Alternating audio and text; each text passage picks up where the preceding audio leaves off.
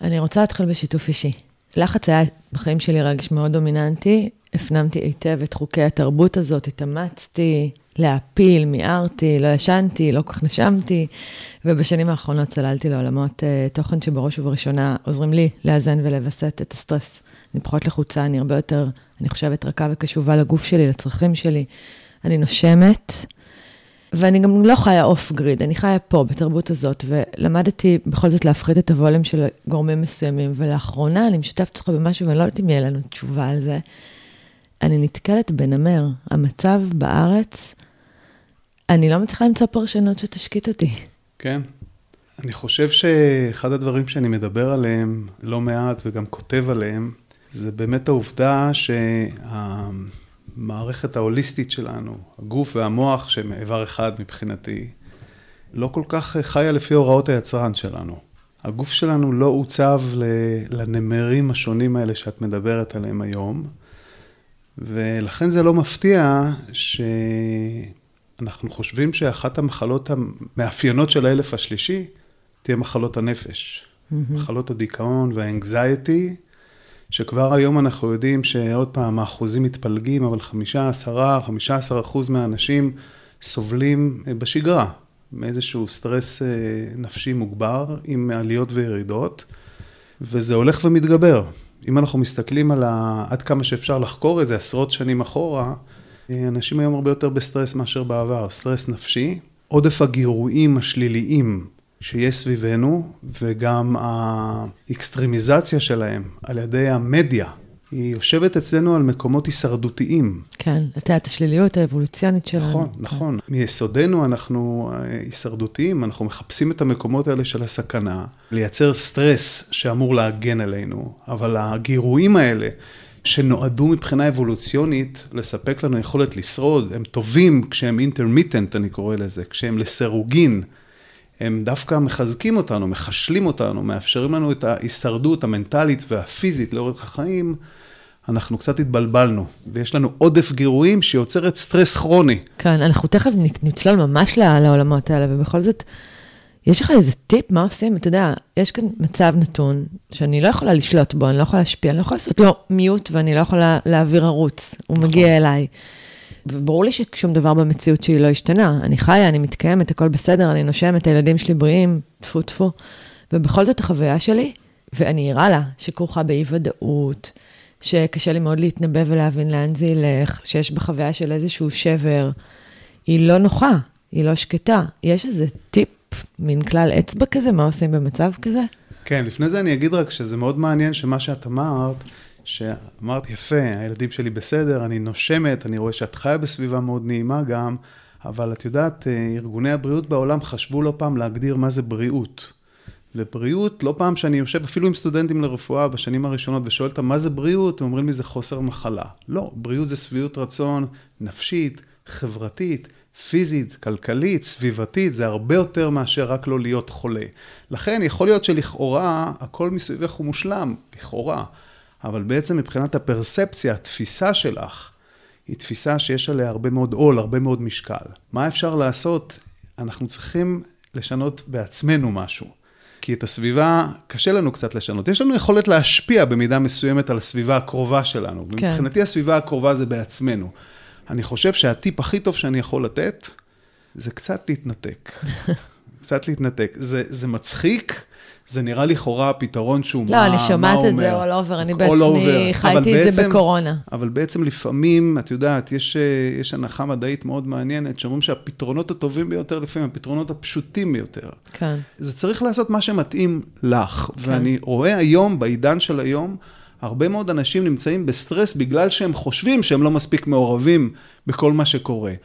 לא, לא כולם צריכים, לא לכולם יש אותו עובי של העור, לא לכולם יש את אותה אישיות. אפשר להשפיע בדרכים אחרות, בהסברה לילדים, וגם, אה, כן, וגם קצת אסקפיזם, זה בסדר גמור. כן.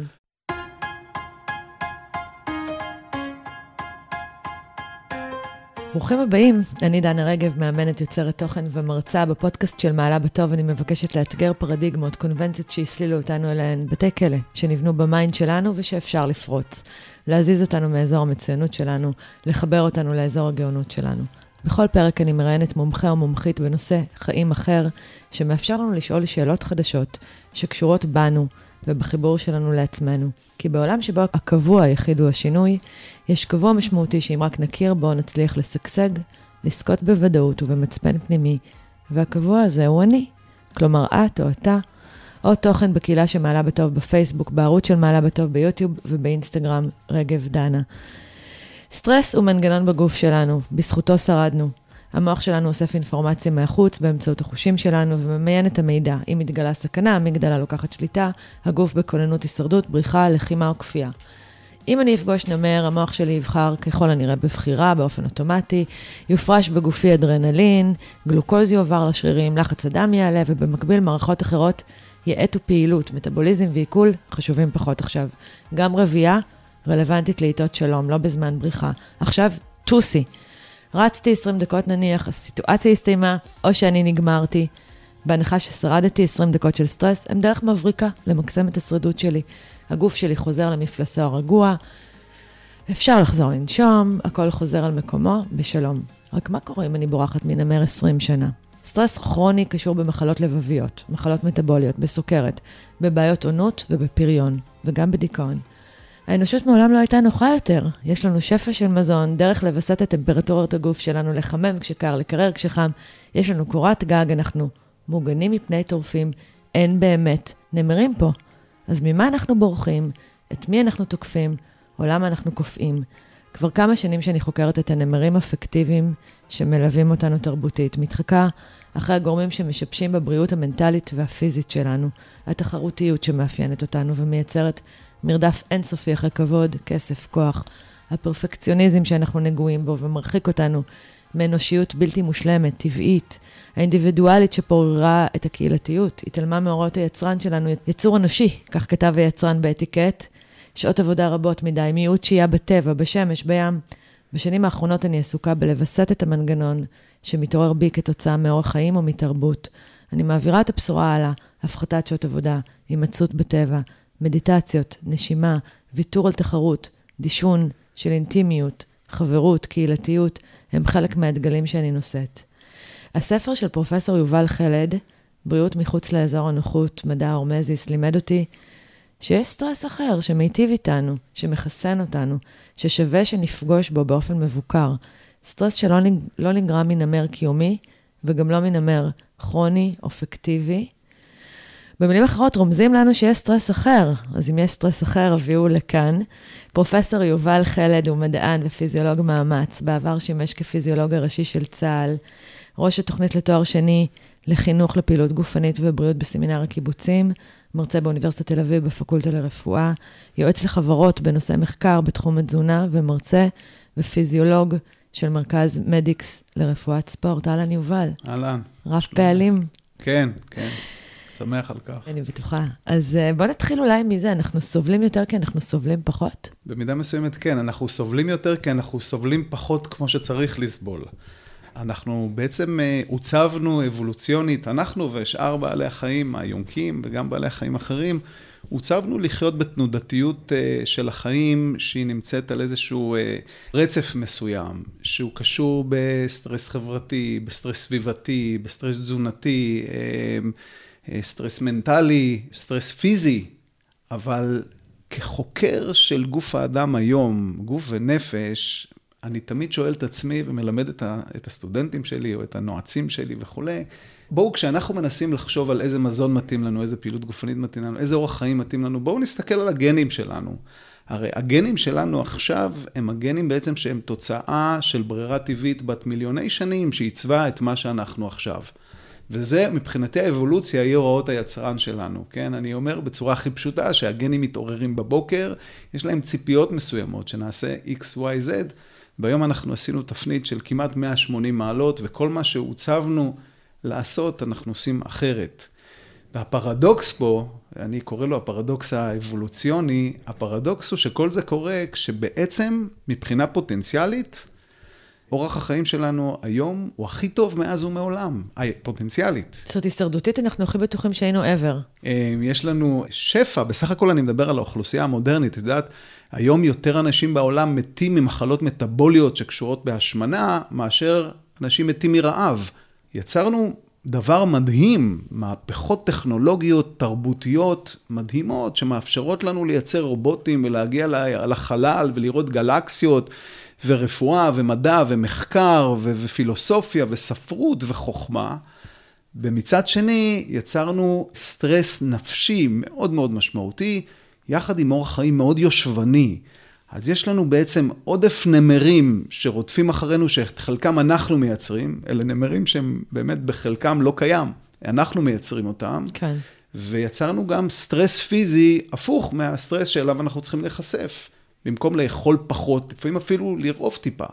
אוקיי? אנחנו יודעים שצום לסירוגין, נדבר כן, על זה אם תרצי. כן, אנחנו ניגע על זה, בטח. ובמקום לנוע במידה מסוימת מדי פעם לפחות, אנחנו לא נועדנו להיות, אה, את יודעת, אה, אלופים אולימפיים בריצת 100 מטר או מרתוניסטים, אבל נועדנו לנוע די הרבה, במקום זה אנחנו יושבים הרבה יותר.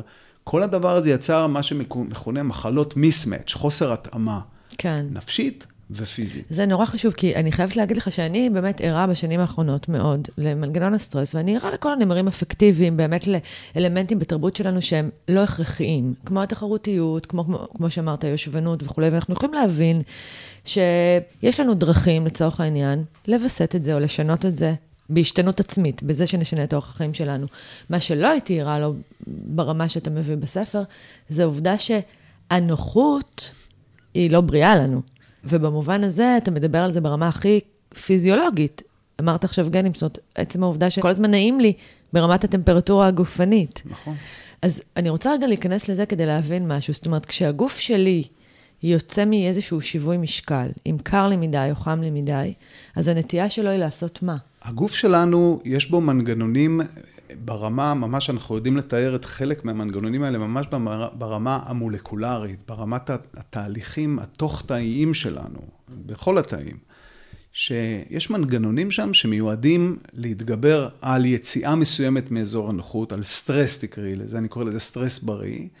והמנגנונים האלה, מה שהם עושים, הם בעצם יוצרים חוסן. כלומר, אתה יוצר איזשהו סטרס על המערכות, המערכות מגיבות לסטרס הזה, והן הופכות להיות חזקות יותר. הדוגמה הכי טובה זה שריר, כן? אנחנו כן. לוקחים שריר, לוקחים משקולת, עושים תנועה כנגד התנגדות, ואחרי מספר שבועות, חודשים, אנחנו נהיה יותר חזקים, וגם נהיה יותר שרירים, מסת השריר תעלה במידה כזו או אחרת. הגוף שלנו יודע להסתגל לסטרס, הוא נועד להסתגל לסטרס. עכשיו, אם אנחנו לא חושפים את הגוף לסטרס, כל סטרס דרך אגב, סטרס מנטלי, לעמוד בפני אנשים, לפגוש נמרים לזמן קצר, סטרס קוגניטיבי, למידה וכולי, וגם סטרס פיזי של תנועה. אם אנחנו לא נחשפים לאלה, המנגנונים האלה בגוף לא פועלים, ובעצם לא משפרים את החוסן שלנו, כן? הם לא משפרים את החוסן, הם לא מחזקים את היכולות שלנו, שהם שם, הן צריכות לקבל את הגירוי. לא המוח ולא הגוף שלנו מתפתחים בלי סטרס, מנוחות בלי סטרס פרמננטית, מסוים. כן. עכשיו, המילה סטרס הזו היא לפעמים מרתיעה אנשים, כי רובנו מדברים על המילה סטרס כמשהו שלילי. אז נכון. לפעמים אני, כדי לעזור לאנשים להבין במה מדובר, אני קצת מעדן את המילה סטרס, למרות שזה סטרס, אני מדבר על אתגרים. על אתגרים מחוץ קצת לאזור הנוחות, אוקיי? להיחשף לחום, לקור, לעמידה בפני אנשים, לפרלמנט, לשיחה, לפעילות גופנית, קצת להפסיק לאכול. כל הדברים האלה, יש גם סטרס שהוא לא בריא, כן? עישון זה סטרס לא בריא, עודף מזון זה סטרס לא בריא, חסך שינה ממושך זה סטרס לא בריא.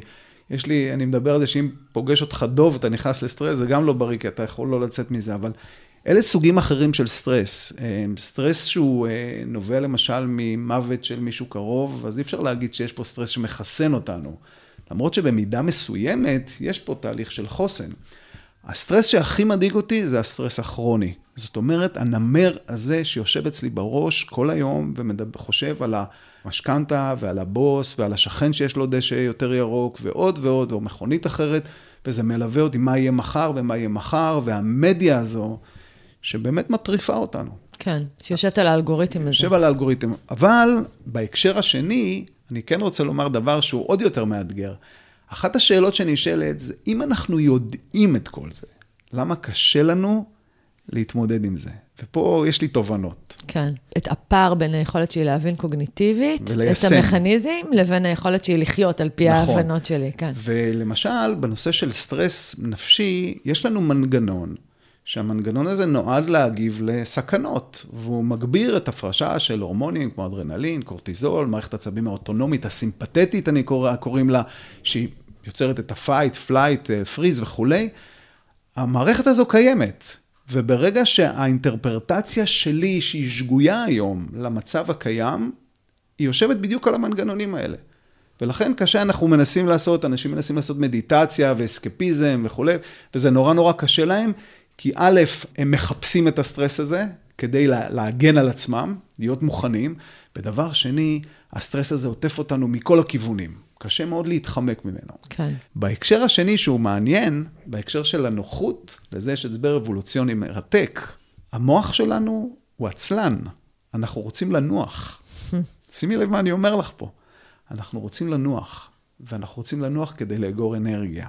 כלומר, הדיפולט, ברירת המחדל של האדם, היא לחפש את הסכנות, אבל רוב הזמן לנסות להימנע מהם ולנוח. מה קרה לנו בעולם המערבי?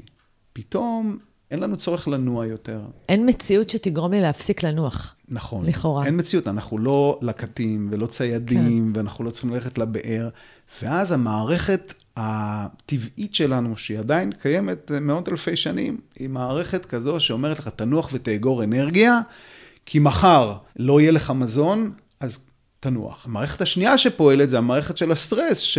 תדאג ש... למזון בדיוק, ותדאג מה נמר. כל. לכן כן. יש פה פרדוקס. אנחנו נחים יותר, ודואגים יותר. יותר. כן. ועכשיו אתה בא, את יודעת, לימדתי 20 שנה בבית ספר לתזונה, אני המון המון שנים מלמד בבית ספר לרפואה, מאמנים, רופאים, פיזיותרפיסטים, אנשי בריאות, מקדמי בריאות, והם באים אליי ואומרים לי, תגיד, פרופסור חלד, היינו סטודנטים שלך, היום אנחנו עובדים עם אנשים.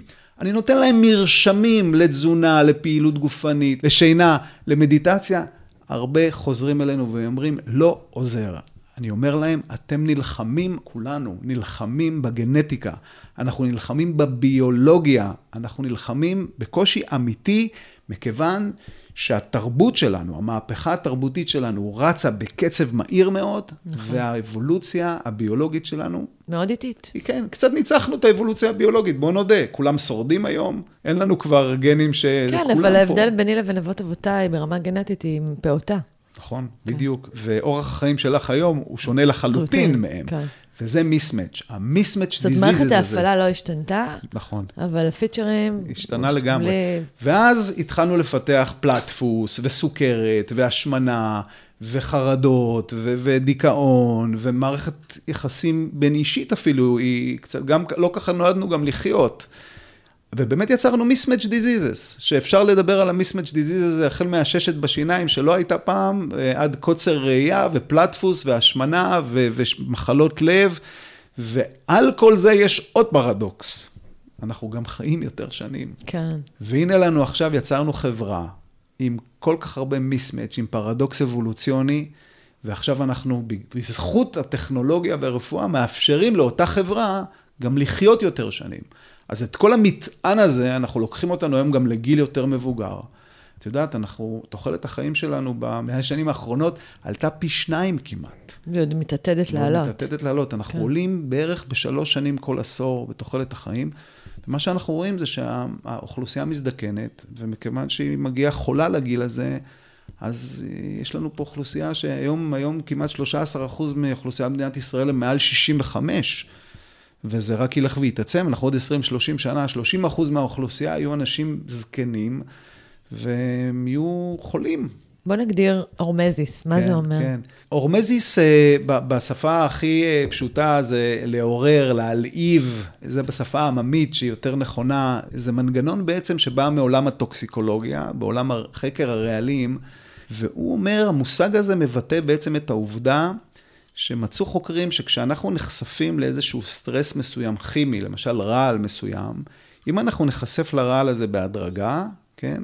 אנחנו בסוף נייצר עמידות לרעל הזה. אתה נותן דוגמה נורא יפה בספר עם אה, משפחה יפנית. נכון, אחרי נכון. אה, כן, הפצצת אחרי... אה, זה נושא. מרתק, שאחרי מלחמת העולם השנייה נגמרה, כן, בפצצות גרעיניות שנפלו על הירושימה והנגסקי ביפן.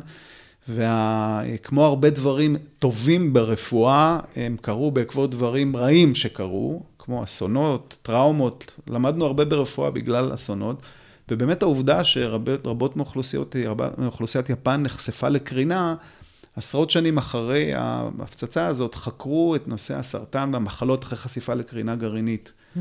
ומה שגילו לגמרי במקרה, שאוכלוסיות שגרו במרחק מהפצצה הגרעינית, שהיו, אה, שנחשפו לקרינה מסוימת, דווקא היו עמידות יותר לסרטן, עמידות יותר למחלות. ביחס לאוכלוסייה ביחס, רגילה. ביחס לאוכלוסייה הרגילה, ובטח ביחס לאוכלוסייה שנפגעה. וזה היה עוד מנגנון או עוד סיבה לחקור את הדבר הזה, ש... שכנראה סטרס גם לקרינה מסוימת. כן? זאת אומרת, מי שחי ממש ב... ב... כן, הוא נפגע ומת, ב... או חלה כן, עשר כן, שנים אחרי בדיוק. זה. בדיוק, מי שממש ש... נחשף לקרינה בעוצמה כן, גבוהה, כן. זה השפיע עליו לרעה. לרעה. אבל כמות מסוימת, כמות וכאן מס... זו, זו מין שאלת מינון כזאת, אנחנו תכף ניגע בזה. קשה, קשה עם המינון. מאוד. קשה. אבל יש איזה טווח.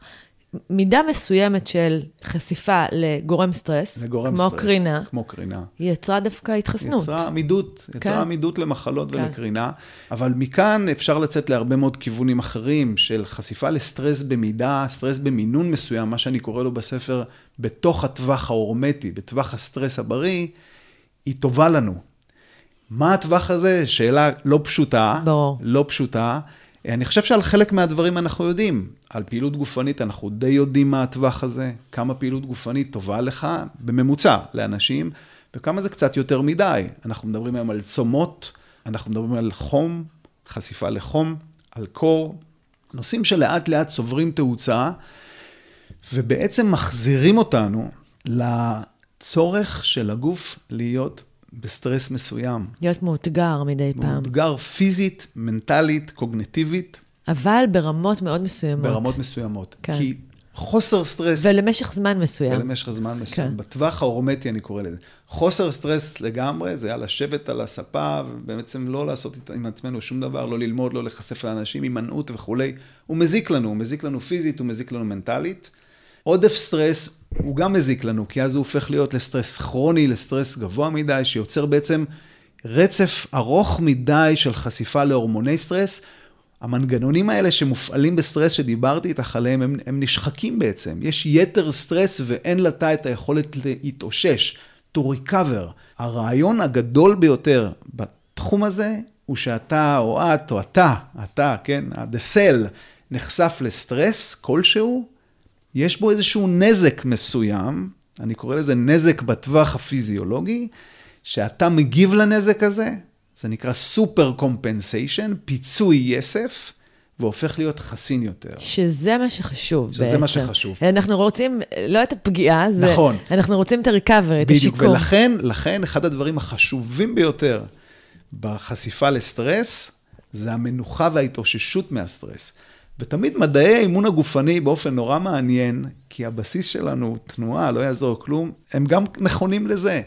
כל אימון גופני שלא תעשי, הוא לא יועיל לך אם לא תאפשרי לגוף התאוששות מספקת. וכשאני מדבר על התאוששות מספקת, כמובן שיש פה את המרכיב התזונתי כדי לבנות את הגוף, אבל השינה, המנוחה והשינה, שם, שם קורה הנס. מי ששומע אותנו עכשיו, הוא מאותגר אינטלקטואלית, קוגנטיבית, הוא שומע, הוא חושב, הוא מתווכח עם, איתנו, הוא מתווכח עם עצמו, ושם נוצר הבלגן. שם קורית התפתחות. שם קורה משהו. כן. ואז אחר כך הוא יושב או יושבת עם עצמה, או הולך לישון, ושם קורה הפרוססינג. שם קורה הדבר. זה נכון לגבי למידה, ולכן בהקשר של למידה צריך ללמוד, פוקוס, רסט. לומדים, נחים, ישנים. כן, בעודך מדבר, אני חושבת שאתה מדבר על אימון גופני, ואני אומרת לעצמי, אם רק היינו מבינים את זה לגבי המון דברים אחרים, נכון. כמו להתאמץ, אה, באמת, אה, אנחנו כל כך הרבה אמר על זה פרופסור קן רובינסון, שרוב הזמן אנחנו, חברה מערבית מתייחסת לגוף כאל מה שמונח מעל הצוואר. נכון. וגם שם רק חצי מהמוח, נכון? כאילו, יש איזה שימוש יתר בסוג מסוים של פונקציות שלנו.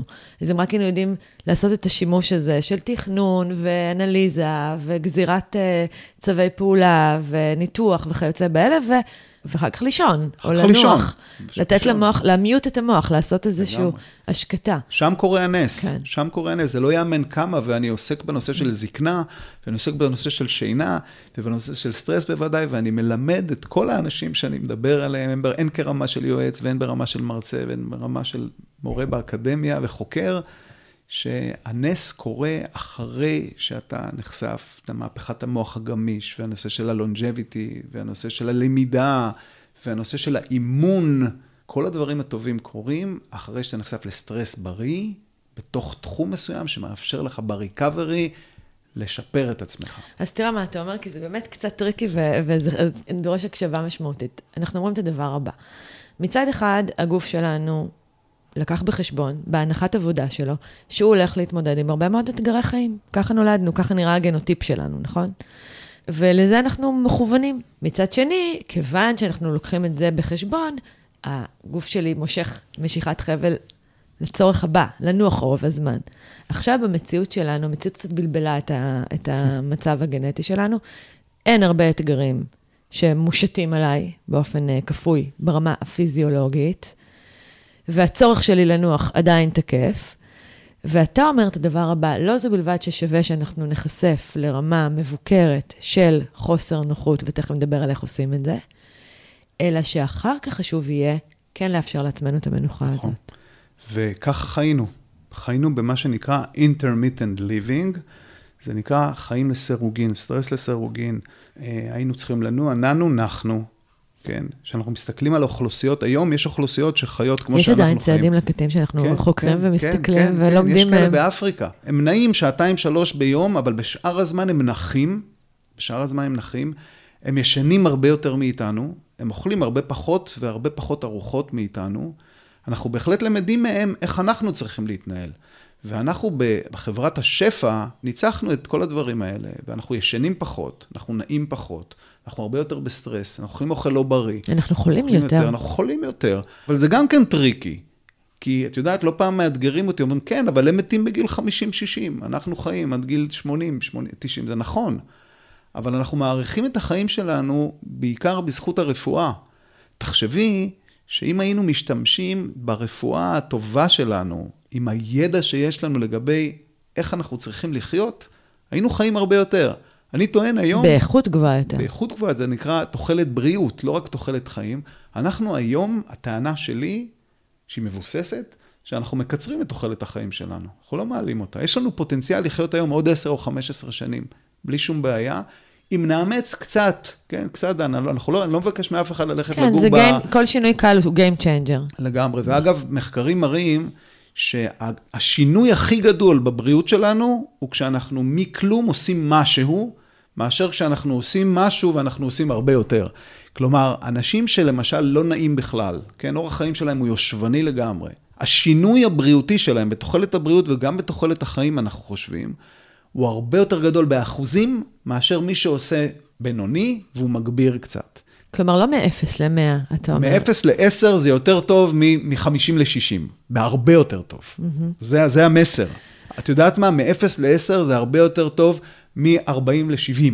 ממש ככה. כן. לכן השינויים הקטנים האלה, והכי חשוב שהם יהיו שינויים קטנים, עם אפשרות של סטרס, recovery, סטרס, recovery, תכף אני אחזור על זה, ומה שחשוב זה לאמץ את זה כהרגל לאורח החיים.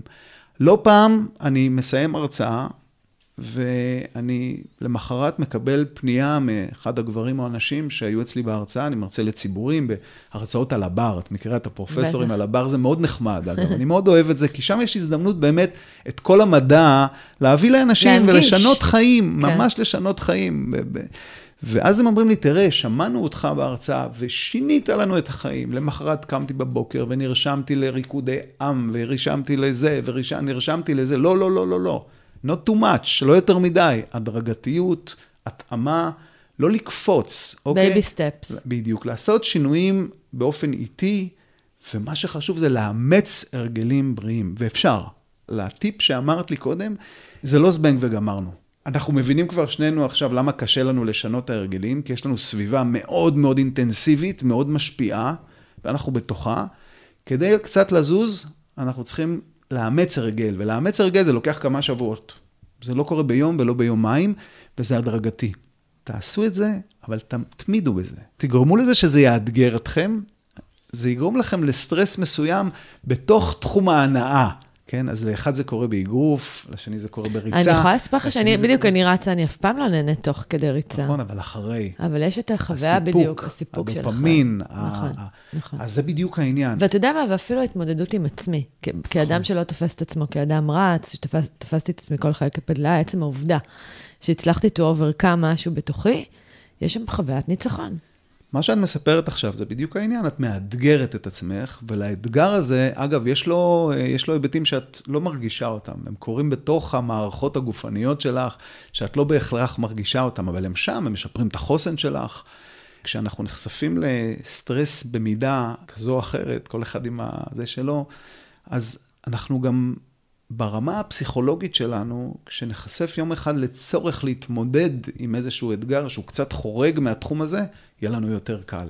כי אנחנו תמיד אומרים, בעולם של הסטרס הבריא, את יודעת, ואני באתי מתחום. הייתי הפיזיולוג הראשי של צה"ל בחיל הרפואה, עבדתי היחידות הכי מיוחדות, גם בארץ וגם בעולם, ונחשפתי לאנשים שנחשפים לסטרס הכי גדול שיש, שזה סטרס של חי או מת. והאנשים האלה, למרות שהם ברור לך שהם חורגים מתחום הסטרס הבריא, אבל אין לנו ברירה, אנחנו גם צריכים את זה. החוסן של האנשים האלה, אם הם לא נפגעים חלילה, החוסן שלהם הוא מאוד משמעותי. כן, אתה יודע, ואחרי שדיברת, נזכרתי בזה שלמה זה יכול מאוד לאתגר, כי אני זוכרת שפעם כשבצה"ל, לפני הרבה מאוד שנים, היה מה שנקרא משטר מים. מתוך מחשבה שאם אנשים לא ישתו מים וילמדו to stress themselves, כן? כאילו לעשות איזשהו סוג של... אז הם יהיו חסינים יותר, וזה נמצא שגוי לחלוטין. נכון. וזה, יש לי שני דברים לומר על זה. א', אני גאה לומר לך שאת משמעת המים ביטל צוות בראשותו של פרופסור עזרא זוהר, מורי ורבי. הסטרס הזה של, של מים, של חוסר שתייה, הוא חוזר למה שאמרתי בתחילת השיחה בינינו, שלא כל סטרס הוא בהכרח בריא. נכון, צריך לכ, לשים לכן לב. אני שמה את הדגש כן, הזה כאן. נכון. כי איך נדע לעשות את ההבחנה? אז קודם כל, בשביל זה אני כותב ספר, ובשביל זה יש מומחים לדבר איתם, ויש ספרות, ויש רפואה, ויש מדע, ובכלל אני אומר שמי שרוצה לאתגר את עצמו, בטח פיזית, רצוי, ש... רצוי שיתייעץ. לא צריך ש... לסבול לצו... לשם הסבל. יש דרכים לא, נכונות, אני מבוקרות, גם לא חושב שהסבל הזה, הסבל הזה, הוא, הסבל הזה הוא סבל שהוא בתחום הבריא. ואני חושב שהיום אדם, אדם נורמטיבי יודע מה זה. פעילות גופנית, עצמות שמדברים עליהן, חום, קור וכולי. אני מלווה היום למשל קבוצות שהוקם בישראל האיגוד לשחייה במי קרח, אוקיי? אז אני, אני מלווה אותם מדעית, כי מי קרח הם קצת חורגים, זה מים בטמפרטורה של 2-3 מעלות צלזיוס, פחות מ-5 מעלות צלזיוס, זה קצת חורג מה... סביבת החיים הטבעית שלנו. מהסביבת החיים, אבל אדם כן נועד לחיות בקור במידה מסוימת. קור הוא טוב לנו. כן. קור הוא טוב לנו. וחום הוא טוב לנו, אבל כמה, היום אנחנו גם יודעים להמליץ כמה דקות בשבוע להיחשף למים קרים, לקור, מקלחות קרות, יש לנו פרוטוקולים. אבל אני חוזר רגע למשמעת המים. משמעת, חוסר שתייה הוכח כמשהו שהוא לא סטרס חיובי, כן? והוא לא מייצר עמידות, הוא לא וזה לא מחסן עמידות. את הגוף, לא ואין טעם עמידות. להיחשף לזה. אני כן רוצה להגיד משהו אבל בעניין הזה. אנחנו לא מסוגלים למשל להסתגל לחסך שינה. חסך שינה הוא כמעט ב-100% מזיק. יש לי על זה הרבה דברים שאני יכול לומר. חסך בשתייה אותו דבר. אבל מבחינה קוגנטיבית, אדם שמתרגל לפעמים, כן, לשתות פחות או לישון פחות, יכול להיות שהוא יכיר יותר את ההרגשה הזאת וידע להיות עמיד יותר לסבל הזה במידה מסוימת. Mm-hmm. אני רחוק מלעודד אנשים לסגל לעצמם את היכולת לא לשתות או לא לישון, הסיכוי הגדול יותר הוא שזה יזיק. ולכן שם, כשאני מדבר, וגם לראיה זה לא מופיע בספר שלי, כאחד מההמלצות לסטרס בריא. נכון. אז באמת, נשאלת כאן שאלה שהיא, כמו שאמרנו, מאוד מאוד טריקית, איזה מינון במרכאות סבל? כי אתה מדבר גם, אני מאוד אוהבת את זה, אתה אומר, זה סבל במסגרת הנאה. גם פה יש איזה, כאילו, כמו כן, פרדוקס כן, או כמו כן. סתירה. אנחנו לא מחפשים לסבול, אנחנו מחפשים לזוז מאזור נוחות, להתאמץ. כן, כן. נכון? לאתגר את עצמנו. זה שונה מלסבול. אבל זה סבל במידה. כן. תראי, כשאנחנו הולכים לחדר כושר, ורצים על המסילה, או רצים בחוץ, או מרימים משקולות, או מתאגרפים, או כל מיני דברים שאנחנו עושים, יש במידה מסוימת סטרס, זה סבל מסוים, אבל גם למילה סבל יש, אה, יש לה ספקטרום. נכון. אוקיי? כי זה קשה, נכון? הכי קל... זה לשבת בספה ולראות איזושהי סדרה ולאכול משהו טעים, זה הכי קל. שזה גם קצת סבל. אז לא לכולם, לא לכולם, יש אנשים שנורא נורא נהנים מהחוסר עשייה הזאת. זה גם, זה קצת ממכר, זה נעים, זה נוח, זה הימנעותי. אגב, אתה כותב בספר שלך על היגיינה, זה, זה עוד מאותו דבר. כן, כן, בוודאי. כלומר, חברה שהיא מדי אסטניסטית, נכון, נכון נמצאה נכון, חברה שסובלת ל... מיותר אלרגיות. נכון, אנחנו צריכים, צריכים קצת אה, פחות להתקלח לפעמים, שזה לא נשמע כל כך טוב. למשל, אה, אנחנו יודעים שיתר קרצוף של האור, בטח בתינוקות וכולי, הוא לא טוב לנו. אנחנו צריכים להשאיר את האור שלנו עם קצת אה, גורמים, הייתי אומר, מזהמים, במרכאות. אני לא מעודד לחוסר היגיינה, אבל תיאוריית ההיגיינה מלמדת אותנו שיתר סטריליזציה היא מפחיתה את הכוח, את החוזק של מערכת החיסון שלנו. חלקם של מקרי האלרגיה למיניהם והתחלואה בגיל הילדות נובעים מחוסר חשיפה לפתוגנים, למחוללי מחלה. ילדים שנכנסים לגן, וגם על זה אני כותב אגב, בספר. אגב, יש לזה, אני שואלת שאלה שאני לא יודעת אם היא, היא לא חורגת, אבל אפי גנטיקה מתקשרת לזה? כן, בוודאי, אומרת, בוודאי. אם uh, אני יכולה להיוולד לתוך uh, כבר uh, מצב נתון, הגם שעוד לא נחשפתי או לא נחשפתי?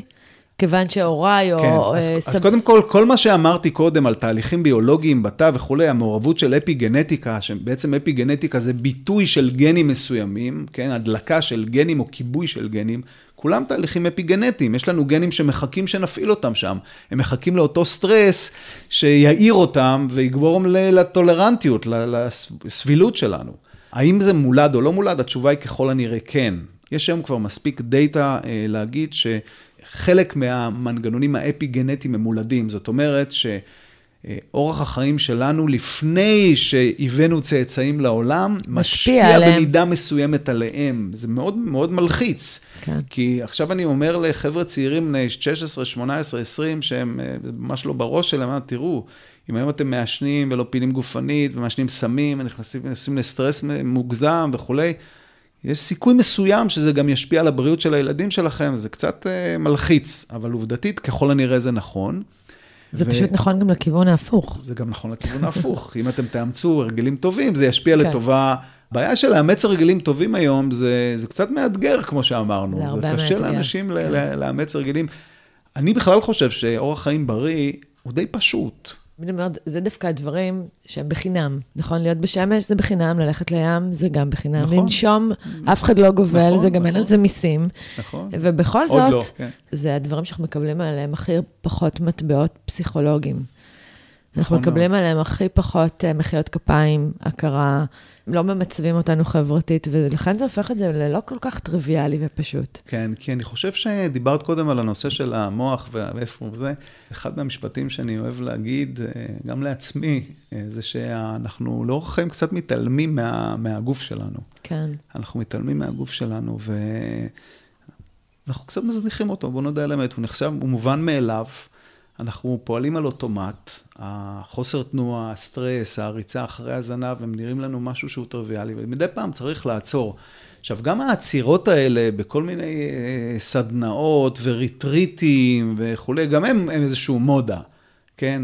אני חושב שהאימוץ הרגלים הבריא הוא הרבה הרבה יותר בסיסי ופשוט. אוי, אני כל כך שמחה שאתה אומר את זה. הוא לא צריך להיות, אתה לא צריך, כן. לא צריך להצטרף לאיזושהי... כי אתה יודע, לפעמים אני מסתכלת מהצד, זה כאילו עולמות התוכן שאני נמצאת בהם, ואני, ואנשים שמאזינים, ודווקא הם תלמידים טובים של עולמות ההתפתחות במרכאות, באים אליי ואומרים לי, אני קם בבוקר ואני עושה מדיטציה, ואני כותב דפי בוקר, ואחר כך אני עושה אה, אמבטיית קרח, ו, וכאילו יש מין כזה, מין רשימה, אני יושבת קצת עם פה שמות, ובסוף היום הוא מספר לי על הסטרס השוקן עם דמעות בעיניים, ואני מנסה להגיד לאנשים, תירגעו שנייה רגע עם כל הצריכים. אני לא רוצה להחליף ספר חוקים אחד נכון, בספר חוקים בדיוק, שני של בדיוק. איך עכשיו אני תלמיד טוב בלהיות מפותח בדיוק, רוחנית בדיוק. ומטפח את גופי.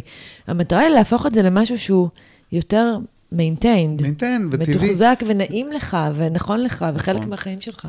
לזה קוראים too much of a good thing. כן. כן, כשאתה עושה גם אמבטיות קרח וגם סאונה וגם רץ וגם מדיטציה וגם יש לך קבוצה של החמש בבוקר, גם עודף השקעה בבריאות, לכאורה, הוא, הוא, הוא, לא, הוא לא טוב. צריך לשים לב שבאמת השינויים שאנחנו עושים יהיו בתחום שלא יגרום לנו באמת לרעילות כזאת, ל-too much of a good thing, כן. מה שנקרא. ואין one size fits all, שזה נכון, קשור למינון, מאתגר. שזה נורא מהותי, כי אני, אמרנו בהתחלה, אנחנו לא נצליח מן הסתם להעביר את זה כאן בפרק, אבל בוא נגיד את זה כדי להגיד את זה. אתה מדבר על טווח הורמטי, שזה אומר שאנחנו מדברים על משך זמן מוגבל, אנחנו לא מחפשים עכשיו 20 שנה לעשות, אה, כן, במרכאות, אה, להיות אה, חשופים ל... לקרח, נכון. מן הסתם, וגם לא יום שלם, כי זה בלתי אפשרי. אנחנו, כן, גם, נכון. אז יש לזה פרוטוקולים. נכון, יש אנחנו- לפרוטוקולים, משהו כמו, אנחנו ממליצים היום על מקלחות קרות מדי פעם, נניח כל יום או פעם ביומיים לעשות מקלחות קרות. מחקרים מראים ששלוש דקות, שלוש פעמים בשבוע של חשיפה לקור היא מספקת כדי לשפר את הטולרנטיות, מערכת החיסון וכולי. חשיפה לחום אפשר לעשות ב, ב, בסאונה, אבל גם, גם פעילות גופנית גורמת לעלייה בטמפרטורה מסוימת של הגוף. גם לא צריך לעשות הכל, אוקיי? כן. צריך לעשות חלק מהדברים. קצת מדיטציה, קצת פעילות גופנית, לבחור, קור, פעם זה, פעם זה. מה שחשוב זה שאיזשהו אתגר פיזי ומנטלי, ללמוד דברים חדשים. אז זה משך וכולי. מסוים ומוגבל, וזה גם נכון. עצימות מוגבלת. עצימות כלומר, מוגבלת והיא אין- תלויה באדם אם גם. אני אגיע לחדר כושר ועכשיו אני ארים משקל שהוא נכון. למעלה, אני רק מזיקה, אני... אני- העצימות צריכה להיות מתאימה לאדם, ולכן, תראי, הבשורה פה היא אימוץ הקונספט הזה של לצאת מאזור הנוחות מדי פעם לסירוגין עם אפשרות להתאושש, היא טובה לבריאות הנפשית והגופנית שלנו. בחלק מהדברים אנשים כבר יודעים מה לעשות. אם לא הלכת, אם לא עשית פעילות גופנית, גם הליכה ברגל כל ערב של רבע שעה, עשר דקות, היא כבר נמצאת שם. או לשחות, או להיחשף לשמש, כל הדברים האלה ידועים. לאכול פחות, להפסיק לאכול בחמש, שש בערב ולצום, זה צום. לצום עד הבוקר, לא צריך לצום שבוע. כן, אז עכשיו אוקיי. אתה כבר מתחיל להיכנס לכלים עצמם, ואני באמת רוצה שנדבר אותם, כי אתה מדבר על דרכים מעשיות ליצירת חשיפת סטרס בריא. אז אמרנו פעילות ספורטיבית, ואתה פעילות כותב... גופנית, כן. כן, פעילות גופנית, ואתה כותב משהו ממש מעניין בספר, כי מעבר לכל מה שאתה אומר עכשיו, שזה באמת מחסן ומייצר עמידות, אתה כותב, מי שעוסק בספורט בגיל צעיר צפוי להצליח יותר בחיים. זה תרחיב מעניין לגבי מאוד. זה, זה כן. מאוד מעניין. את יודעת, אה, יש לנו ב... באזור ה-prefrontal cortex שלנו, באזור המצחי שלנו, יש לנו מה שנקרא את התפקודים הניהוליים, ה-executive function שלנו. זה היכולת לקבלת החלטות, זה היכולת שלנו לווסת רגשות, לווסת מחשבות, המוטיבציה שלנו, כל מה שמאפיין את ה, בעצם את האסטרטגיות חיים שלנו, שהוא מאפיין את האדם המודרני, את ההומו ספיאנס, ומבדיל אותנו מהיצורים של... לתפיסתנו נחשבים נחותים מאיתנו. פחות מורכבים. אנחנו גם כן, כן. כן. אני כחובב מושבע, אוהב בעלי חיים, אני קצת לפעמים טועה, שואל את עצמי, מי, מי- מי באמת פה מבין עניין ומי לא. ומעניין לציין שכל התפקודים הניהוליים האלה הם פועלים מאוד כשאנחנו אה, עוסקים בחיים בכלל, אה, מנהלים, הורים, אה, לומדים וכולי. אבל מאוד מעניין שכשאנחנו עושים פעילות גופנית, אנחנו משפרים את התפקודים הניהוליים שלנו. וכל פעילות גופנית שאנחנו עושים, תתפלאי, גם כשאת רצה, כן, המחשבות שלך תוך כדי ריצה, התכנון תוך כדי ריצה, השילוב של הקוגניציה עם התנועה שנועדנו לו, הוא משפר... אנחנו אמורים את... להיות בגוף, לא רק אנחנו ב- אמורים להיות במוח. ביחד. כן. תחשבי על איך, שוב, אני חוזר קצת לאבולוציה. רוב הפעילות הגופנית שעשו הגנים שלנו, הם היו פעילות גופנית שהייתה לה תכלית, שהיה לה מרכיב קוגנטיבי מסוים, חיפוש, בריחה, רדיפה, ליקוט, ציד. לא רצנו סתם במסילה בחדר כושר בלי להגיע לאף מקום. תשאלי אותי אם לרוץ במסילה בחדר כושר, זה לא, זה מצוין. למה זה מצוין? כי זה עדיף על 70% כלום. מהאנשים לא עושים את זה היום, כן. אז תרוצו במסילה, מעולה, תלכו במסילה. אבל אם אתם יכולים לשלב פעילות גופנית עם איזושהי חוויה משחקית מסוימת, קוגניטיבית, ניווט, משחק, חשיבה, הקשבה לפודקאסט תוך כדי ריצה או הליכה או אימון, זה יותר טוב. ואנחנו רואים שם שהפעילות הקוגניטיבית שלנו משתפרת יותר מאשר אם אנחנו רק עושים אימון קוגניטיבי או רק... אז אתה מדבר על ילדים שכבר אה, באמת עובדים גופנית בגיל צעיר. ולכן אני ממליץ לכל הורה, כן. ולכל אדם בכלל, להשתלב באיזושהי תוכנית פעילות גופנית כלשהי. להורים, אני ממליץ לרשום את הילדים שלהם לחוגי ספורט, מגיל שהם יכולים כבר. ברמה הבסיסית, הסקרנות הטבעית הגופנית, נכון. אם היא לא הייתה מתקלקלת בגילאים מאוד צעירים, אפשר לראות ילדים נעים. נכון. זאת אומרת, ילדים באופן אינסטינקטיבי גם אמורים קצת, לרצות את גם זה. איתם קצת יותר קשה היום, כי גם הילדים שלנו חשופים לסביבה שהיא סביבה רעילה. סמארטפונים, הדוגמה האישית שהם מקבלים, והנגישות וכולי. איך שנראית מערכת החינוך בהקשר הזה, עם שני שיעורי חינוך גופני בשבוע, אם הם נכון. קורים בכלל. המודעות של ההורים, אנחנו רואים, את יודעת כמה אחוז מילדי ישראל פעילים גופנית לפי ההמלצות של ארגוני הבריאות העולמיים? פחות מ-10 אחוז. מה אתה אומר? זה שעה ביום, 60 דקות ביום פעילות נמרצת לילדים. כשאני הייתי ילד זה היה חימום. כן, היינו מבלים שעות בחוץ, תראה, אני אימא רצים, לבנים, קופצים. מבחינתי, רוב הזמן זה מה שהם עושים. מה, פעילות גופנית? כן. מעולה, אז הם שייכים לעשרה אחוז ש- שעסוקים בזה. 90 אחוז כמעט לא, לא עומדים בפעילות הזאת, וזה מתחיל שם. וואו, זה מפתיע. וזה לא בגלל שאין להם את הצורך, יש לילדים צורך לנוע כי התנועה מפתחת את המוח. אבל שוב, המוטיבציה לעשות דברים הרבה יותר ישבניים, היא יותר גבוהה היום. כי ממש פחות הדופמין שמה- תמריץ מבחוץ. כן, כן, הסמארטפונים, רשתות חברתיות וכולי. יש מחקרים מאוד יפים, עשרות מחקרים, מאות מחקרים, שמראים שתוספת פעילות גופנית בילדים, לומדים בכלל, כן? בכל גיל, בהרווארד יוניברסיטי עשו את זה, בעשרות בתי ספר בעולם, משפרת את היכולת האקדמית של הילד, כלומר, את יכולת הלמידה, ומפחיתה את בעיות אתה מדבר המשמעת. לאמא היהודייה, אתה אומר, אם לא מעניין אותך הגוף, אז בואי נעשה אותו עורך דין. כן, אבל גם זה, גם התנועה. תעזור, וזה מה שמעניין, אני מתראיין מדי פעם בטלוויזיה. ואחד מהרעיונות שהיה לי באחת מהתוכניות האחרונות, דיברתי על זה שהחינוך הגופני הוא המקצוע הכי חשוב בבית ספר. אני באמת מאמין בזה. כי אם ילד פעיל גופנית בצורה משמעותית, גם הלמידה שלו תהיה יותר טובה. כן, הוא ילמד מתמטיקה טוב יותר. היום אנחנו יודעים, בעולם כבר מלמדים מתמטיקה ותנועה ביחד. אוקיי? אפשר ללמד שפה ותנועה ביחד. אז השילוב הזה של גוף ואינטלקט הוא משהו שהוא מולד, הוא חובה. הוא הוליסטי. הוא הוליסטי. אבל יש פה אבל.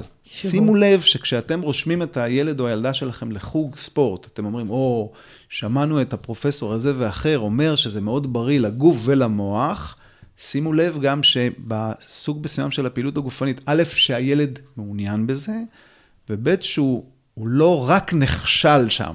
כן, שהוא, שהדימוי העצמי שלו לא נפגע. בדיוק, כי יכול להיות מאוד שאחרי שישמעו את הפודקאסט הזה, אנשים יקרים יגידו, או, יופי, בוא נרשום את הבן שלי לחוג ג'ודו. שמו אותו בחוג ג'ודו, הלכו לשתות קפה ההורים, חזרו אחרי שעה לקחת אותו מהחוג ג'ודו, אמרו, עשינו את שלנו. אבל יכול להיות שבאותה שעה בחוג ג'ודו, הילד הזה נכשל כל הזמן והפילו אותו והוא לא הצליח, זה כבר לא הורמזיס, זה כבר סטרס שהוא לא בריא. צריך ליצור מצב לילדים שלנו וגם עבורנו, שאנחנו קצת נכשלים וקצת וואו, מצליחים. זה, אנחנו לא, צריך- לא לגמרי ניכנס לזה, אתה לוקח אותי, כי אני מסתכלת מהצד על האופן שבו מתנהלת פעילות ספורטיבית בישראל, בקרב ילדים, בליגות, ואני לפעמים תוהה כן. אם לא עשינו טעות פה. כי ליגה- כי יש מלא תחרותיות, כן. אבל זה לא תחרות ברמה, נגיד, נכון. של לקדם את הרעיון שמישהו יכול להיות טוב ממני, ואני מש, משתפר, אלא זו תחרותיות ברמה הכי מזיקה ומשבשת. וההמלצה שלי פה היא מאוד חד משמעית. ספורט, ולכן שמת לב שאמרתי פעילות גופנית, חוג, ולא פעילות הישגית, כי שם אנחנו כבר, זה סיפור אחר. כי שם אתה נכשל אז אתה נכשל, ואף אחד שם לא, לא מתחשב בצורך הזה שלך. אבל חוגי ספורט וההתעסקות עממיים... היא בתוצאה, היא לא... היא לא- בדיוק. כן. משחק משותף, כן? אה, אתגרים אישיים, ומישהו שיווסת, חוגים, פעילות גופנית, משחק, the study of game, כן? אנחנו ניגע בזה בנקודות, כי מן הסתם אה, לא נצליח אה, להעביר את כל מה שכתבת בספר, אבל אנחנו נצרף לינק למי שירצה בטח, ל- בטח, ל- להעמיק. בשמחה. עוד משהו נורא מעניין שכ- שאתה כותב בספר, אני אעזר במין פרובוקציה. גברים שמניחים תפילין, מוגנים יותר מפני התקף לב. אז, אז קודם כל זה ברור, לא? מי שמניח תפילין, יש, לו, יש עליו השגחה, מוגן, יש כן. עליו השגחה, ובוודאי, אין ויכוח, אני גם נותן זה על זה, ודאי. אני נותן על זה גם הערה בספר, אני לא פוסל את האפשרות שמי שמניח תפילין הוא יותר בריא מסיבות אה, מעניינות וכולי. הרעיון שהוא שוב הורמטי, הרעיון שבו עצירת דם לזמן מסוים, ופה אל תנסו בבית, ואני כותב את זה בספר. נכון. אבל עצירת דם, עצירת נשימה מבוקרת, דיברתי על זה גם, גם אני מבקש פה עם התייעצות.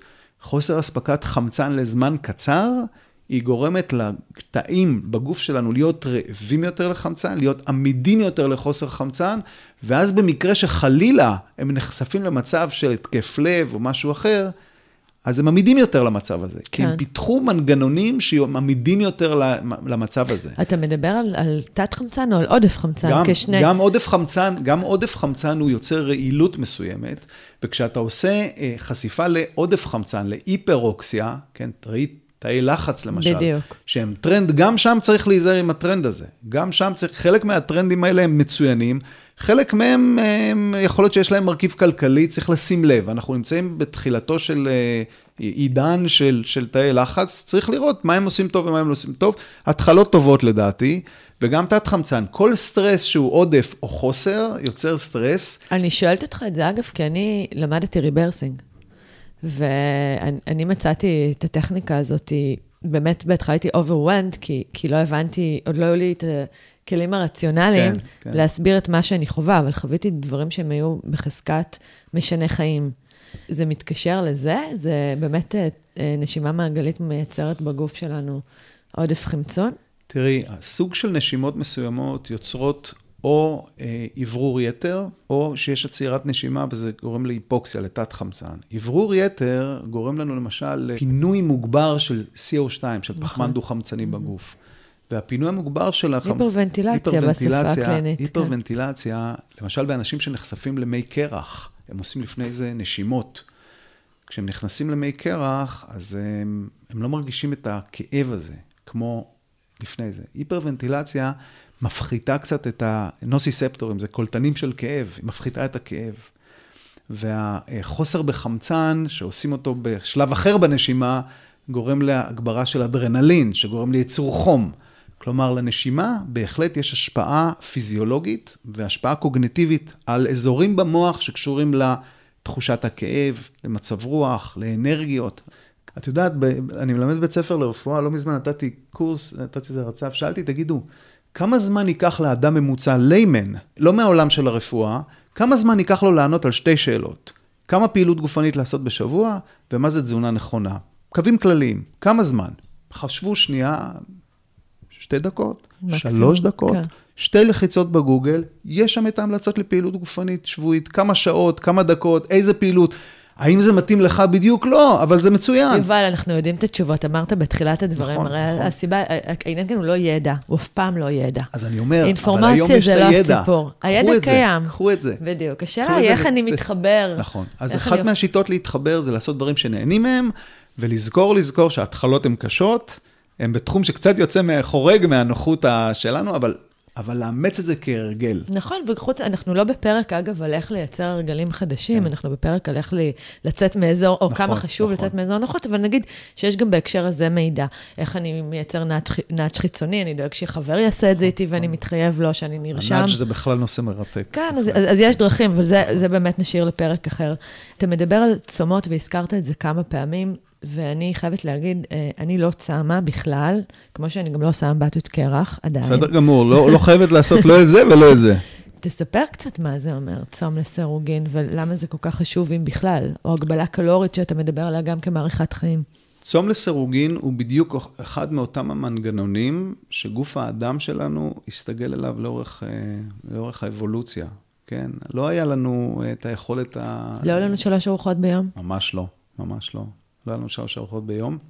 אכלנו כשהיה אוכל, ומנגנון השובע שלנו הוא לא מי יודע מה מפותח, כי לא נועדנו לתפריטים עתירי קלוריות אה, כמו שיש לנו היום, ולכן אה, המנגנון, יש לנו מנגנון שוב פרדוקסלי.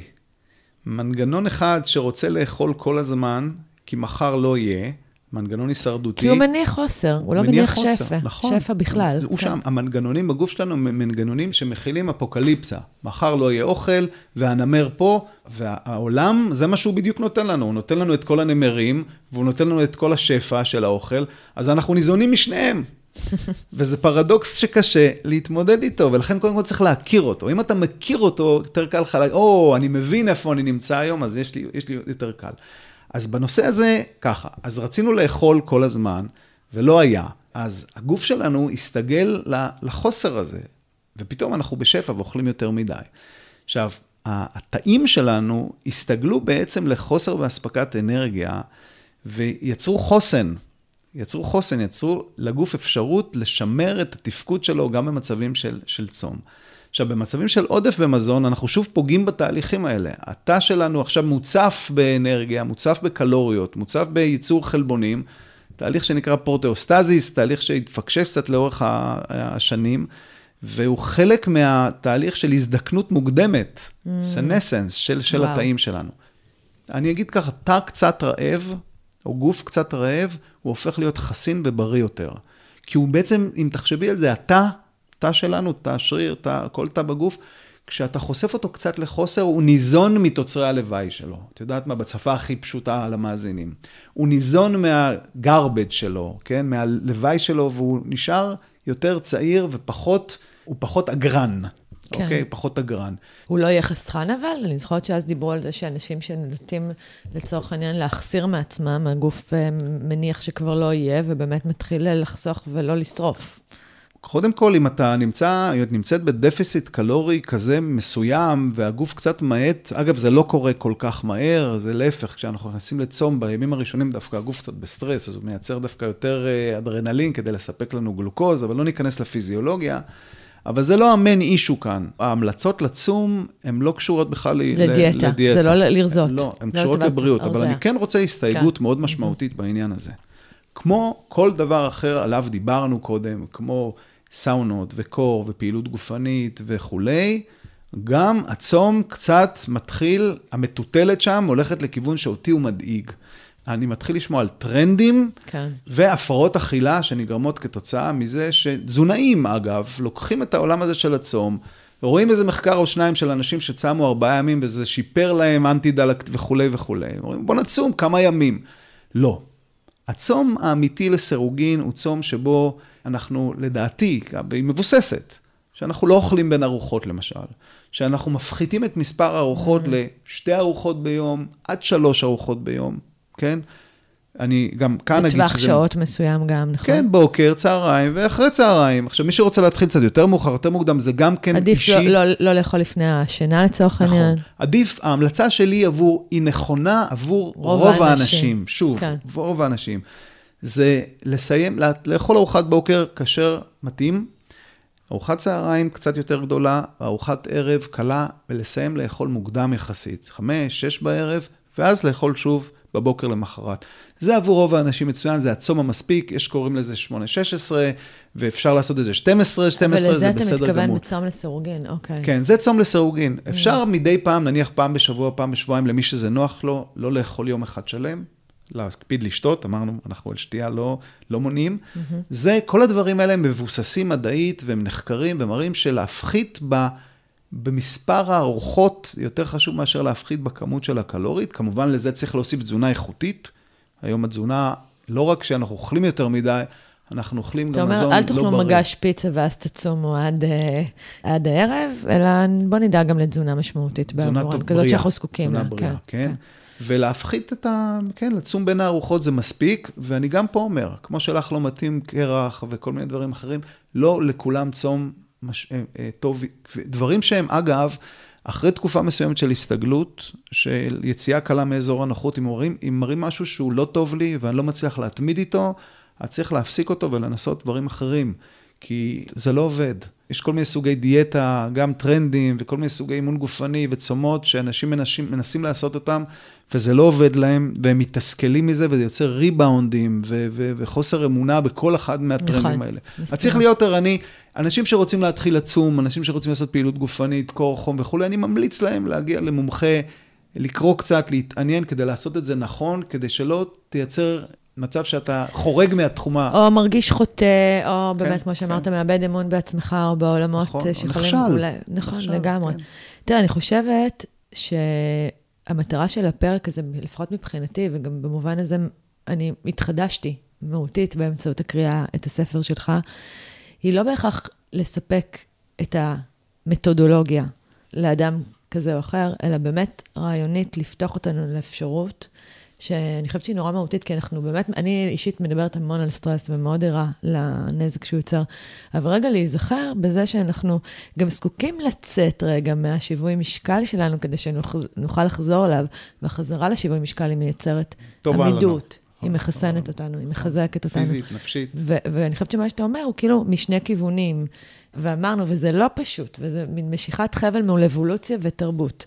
אבל איך אני בכל זאת מצליחה, דרך למידה והיכרות ו-hacking שאנחנו עושים למכניזם, מצד אחד, להפחית בסטרס הכרוני, שהוא פיקטיבי, שהוא מדומיין, שהוא לוקח אותנו באופן אה, שלא, שלא מיטיב איתנו, נכנס איתנו ללילות, כן. משהו לגבי הסטרס הכרוני שהוא מדומיין. כן. הוא לא רק מדומיין. הוא לא רק מדומיין. אני רוצה להגיד פה, זה כן. חשוב, כי זה חשוב כי, זה, כי נשאלתי על, הש, על הדבר הזה.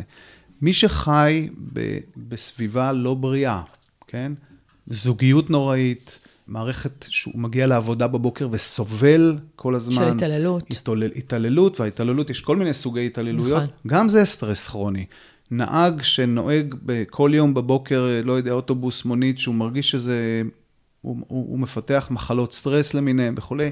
כל הדברים האלה שהם לא מדומיינים, הם קורים באמת, גם עליהם צריך... ו, ופה צריך להיות מספיק אמיץ ולהגיד, רגע, אני עושה שינוי כאן, אני צריך לעשות עם זה משהו, אני לא מוכן לקבל את זה שאני כל הזמן חושש להיכנס הביתה או לעבודה או מה, מה, מהחבורה הזו שאני יושב איתה. זה כאילו, אנחנו מדברים כל הזמן על למתוח את אזור הנוחות, אבל לא לקרוע את אזור בדיוק, הנוחות, וזה נורא בדיוק, מהותי. בדיוק, ו- ואני חושב שבניסוי וטעייה אפשר ללמוד את זה גם. אפשר ללמוד כן, את אפשר זה. כן, ללמוד כן, את זה. בהחלט. אפשר להרגיש את זה. אז פעם אחת להסיר באמת את, עד כמה שניתן, בהבנה שאנחנו לא יכולים לעשות משהו שהוא בינארי ו-1-0, ואנחנו גם לא נכון. מתיימרים לזה, אבל עד כמה שניתן להסיר את מה שמרוקן אותנו, את מה שמספק או משבש בחוויית החיים שלנו, את מה שהוא בחזקת סטר... גורם סטרס כרוני. ומצד שני, ופה אנחנו מתחדשים בפרק הזה, איך אני יכולה להוסיף בצורה מודעת, מבוקרת, נבחרת, גורמי סטרס מבוקרים שהם בטובתנו. טובתנו. צאו כן. מדי פעם מאזור הנוחות, זה רק יעשה לכם טוב. נפלא. היה לי ממש ממש מרתק לקרוא שמחה. ולשמוע. איך היה לכם? אני מקווה שנהניתם. בנימה אישית בפרקי הפודקאסט האלה מושקע זמן, מחשבה ומשאבים רבים, בניסיון לזקק ערך משמעותי לאפשר למידה, הגמשת תודעה וכלים מעשיים.